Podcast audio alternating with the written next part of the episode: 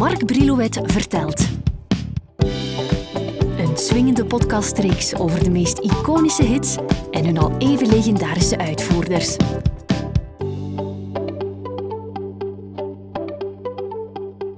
Of jij dat ook doet, weet ik niet. Het is vooral een kwestie van respect te hebben voor diegenen die de liedjes schrijven, maar ik kijk altijd naar de componisten die er weer eens in geslaagd zijn een nieuwe song te schrijven.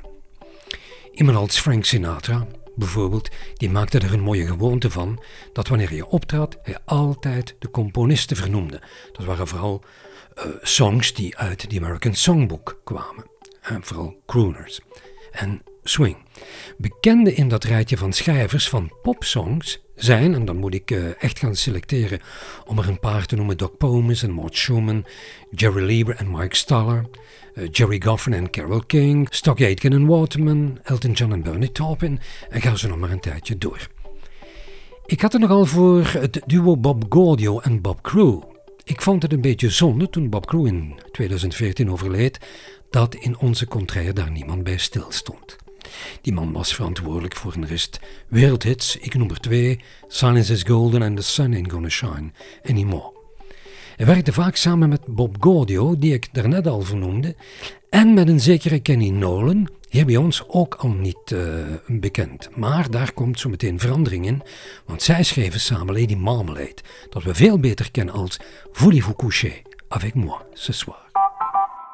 Lady Marmalade is een song geschreven door Bob Crew en Bob Gaudio die instonden voor zowat, uh, ja, ik denk 70, 80 procent van de hits van de Four Seasons. Crew die kende het klappen van de zweep al veel eerder, want hij schreef in de 50s hits voor onder andere The Diamonds en Freddie Cannon. Crew die maakte op zekere dag kennis met de in Los Angeles geboren Kenny Nolan. Kenny was 19 jaar jonger dan Bob, maar muzikaal klikte het van in het begin. Ze hadden namelijk snel door dat ze beiden goed songs konden schrijven.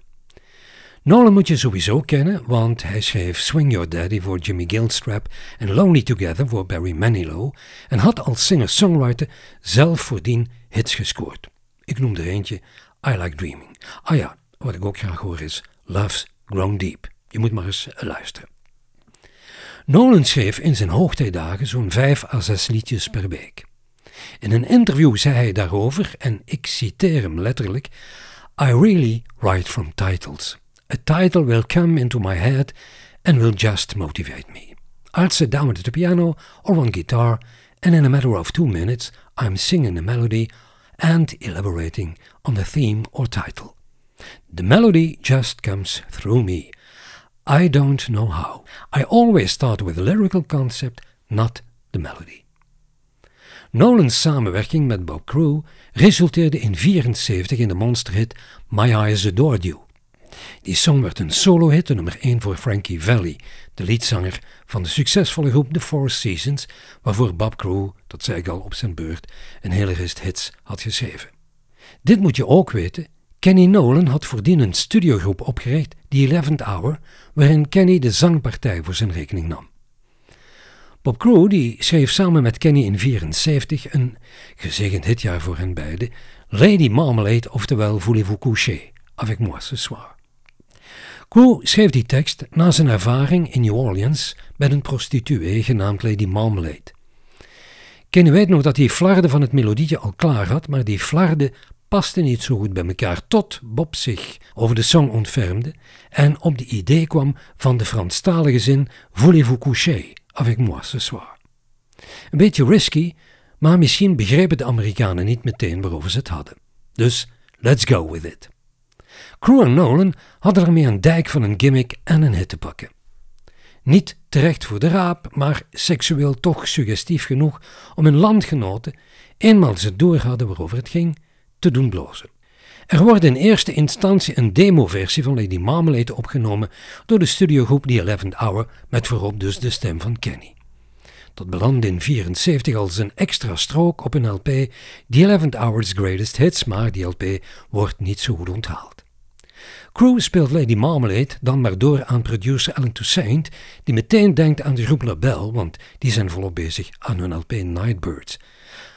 Alan die stelt Patty meteen gerust, want ze twijfelt eerst. Hij zal niet alleen het nummer produceren, maar ook arrangeren.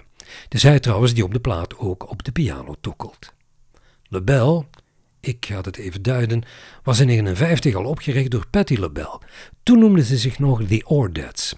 Iets later trok de groep een ander jasje aan en werd het Patti LaBelle en de Bluebells. Begin jaren 70 werd er aardig gesleuteld aan de samenstelling en de verpakking van de groep en gingen ze de baan op als LaBelle. Om een lang verhaal kort te maken, in 1974 komen ze bij Epic Records terecht en in de zomer van het jaar lanceren ze de LP Nightbirds, begeleid door de groep The Meters. Het is Patty die in de Sea Saint Studios in New Orleans tijdens de opname van Lady Marmalade de solostem voor haar rekening neemt. Die song wordt gelijk ook de eerste single uit die langspeler. De 1 april 75 duikt Lady Marmalade Billboard's Hot 100 binnen en staat iets later op 1. Door haar sexy manier van bewegen tijdens het zingen van Lady Marmalade wordt Patty meteen door de homo-scene op handen gedragen. Voor hen is de song een soort anthem. Als je goed luistert en tussen de regels leest, hoor je dat de song de prostitutie een beetje naar een hoger niveau tilt. LeBel hield altijd vol dat ze aanvankelijk niet wist waarover ze zong, maar dat ze dat pas later doorhad. In een interview zei ze daar jaren later over: That song was taboo. I mean, why sing about a hooker? But why not? I had a good friend who was a hooker and she died. She never took the mic out of my mouth and I never took the mattress from under her. She was a friend, doing her thing. It would be like discriminating because you're white and I'm black, or you're gay and someone's straight. I don't believe in separating people. If your job is as a hooker, more power to you. Omdat de Amerikanen snel doorhadden waarover de song ging, mocht Patty, wanneer ze live optrad voor televisie, niet Voulez-vous coucher avec moi ce soir zingen, maar moest die Franse passage aanpassen en werd het Voulez-vous danser avec moi ce soir. Ik doe het een beetje met een Engels accent omdat we in Europa een pak minder preut zijn dan in Amerika, wordt dat nummer niet als Lady Marmalade, maar als Voulez-vous coucher avec moi uitgebracht. Lady Marmalade staat tussen haakjes. Bij ons staat de single in de loop van de maand januari 1975 op plaats 3. In Engeland zit er niet meer dan een zeventiende plaats in. In de Nederlandse top 40 noteren we een nummer 1 voor Label. Lady Marmalade was zo'n sterk nummer dat het smeekte om gecoverd te worden. Rondborstige Sabrina nam het in 87 op om het het jaar nadien op single uit te brengen, maar verder dan een alarmschijf geraakte ze er niet mee. Tien jaar later was ze de beurt aan de dames Old Saints. Zij koppelde het liedje aan Under the Bridge van de Red Hot Chili Peppers. Voor hen werd het hun tweede nummer 1 in Engeland. Cinefielen zullen zich misschien nog herinneren dat toen Moulin Rouge in 2001 in de bioscoop opdook, er ook een versie van Lady Marmalade was te horen. Gezongen door Christina Aguilera, Lil Kim, Mia en Pink. Die versie stond dat jaar wekenlang op één in Billboard's Hot 100 en werd qua verkoopcijfers een nog grotere hit dan die van LaBelle. Door regisseur Paul Hunter werd een sexy videoclip gemaakt waarin de dames in lingerie mochten optreden, goed voor de MTV Video Music Award van dat jaar.